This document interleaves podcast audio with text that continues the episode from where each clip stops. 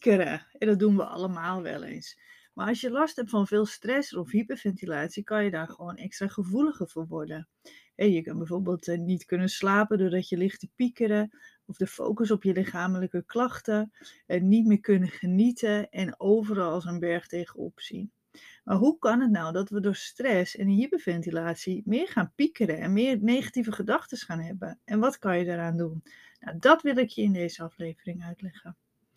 Nou, piekeren en stress die gaan vaak hand in hand. Hè? Want wanneer we veel stress ervaren, kunnen onze gedachten gemakkelijker vastlopen in een negatieve spiraal van zorgen en negatieve gedachten.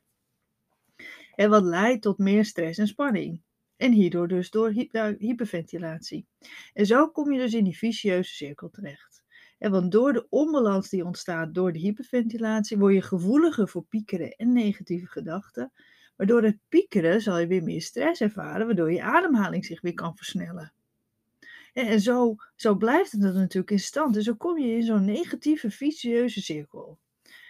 En bovendien kan stress er ook voor zorgen dat het moeilijker wordt om te ontspannen en te kalmeren. Waardoor je piekengedachten maar blijven doorgaan. Dus zelfs wanneer je probeert te ontspannen of te slapen. Nou, piekeren is ook een manier om met stress om te gaan. Want wanneer we piekeren, proberen we vooruit te denken op mogelijke uitkomsten van een situatie en om ons voor te bereiden op wat er kan komen.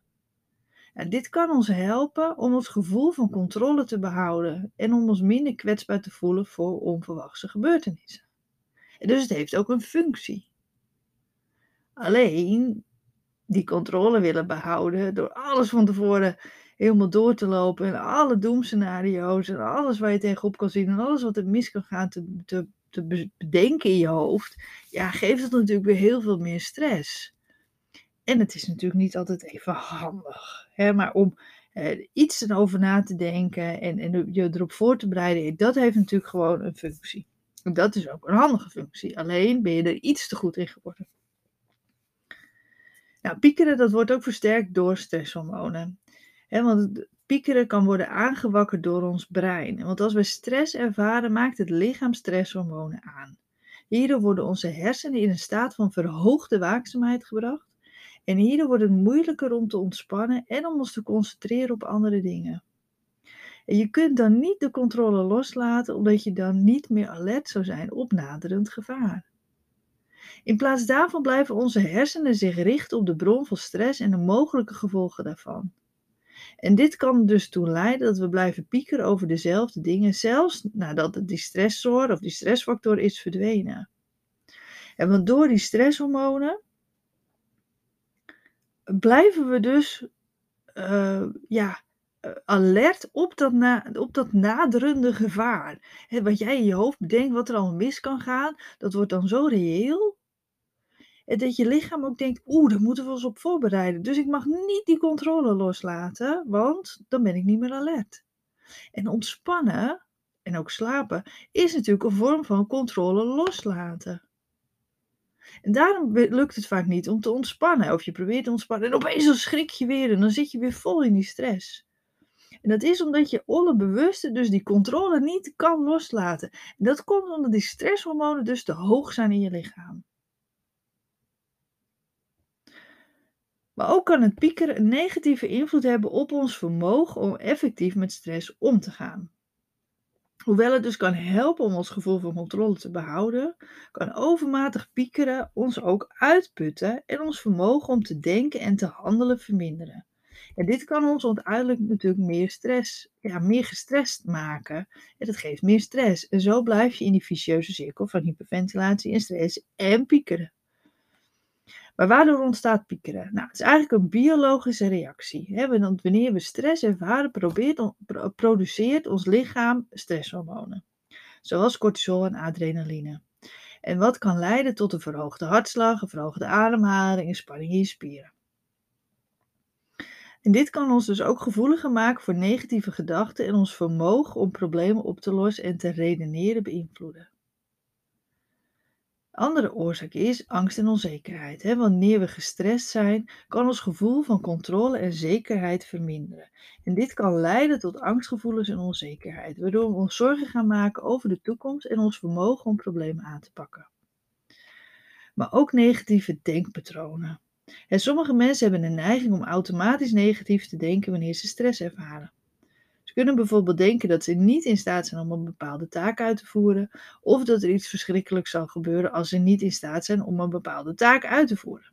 En dit kan leiden tot overmatig piekeren en kan de stress verergeren.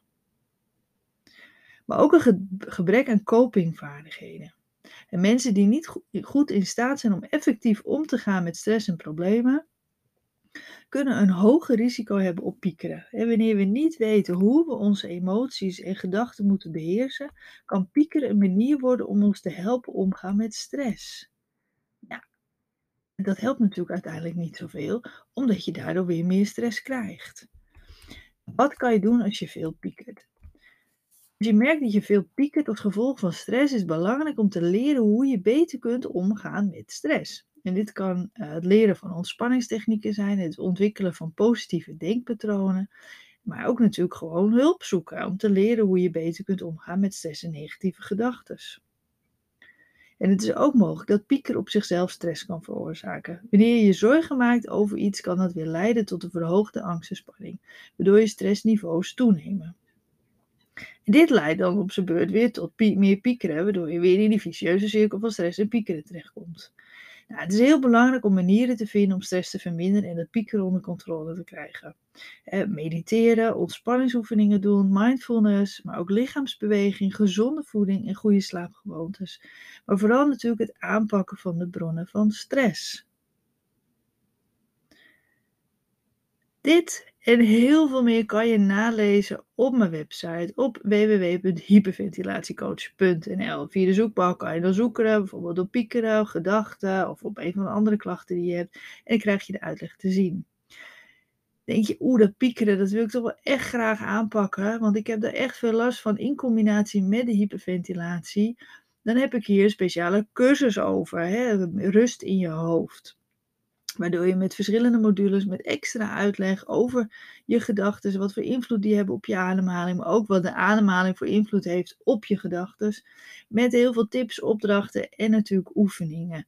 Dus uh, ja, als je, dat, uh, als je het echt wil aanpakken, kijk dan eens bij de cursussen. Kan je ook allemaal vinden op mijn website. En verder wil ik je bedanken voor het luisteren naar deze podcast. En uh, kijk zeker bij een van de heel veel andere afleveringen die ik voor je op heb genomen. Met nog veel meer uitleg en tips.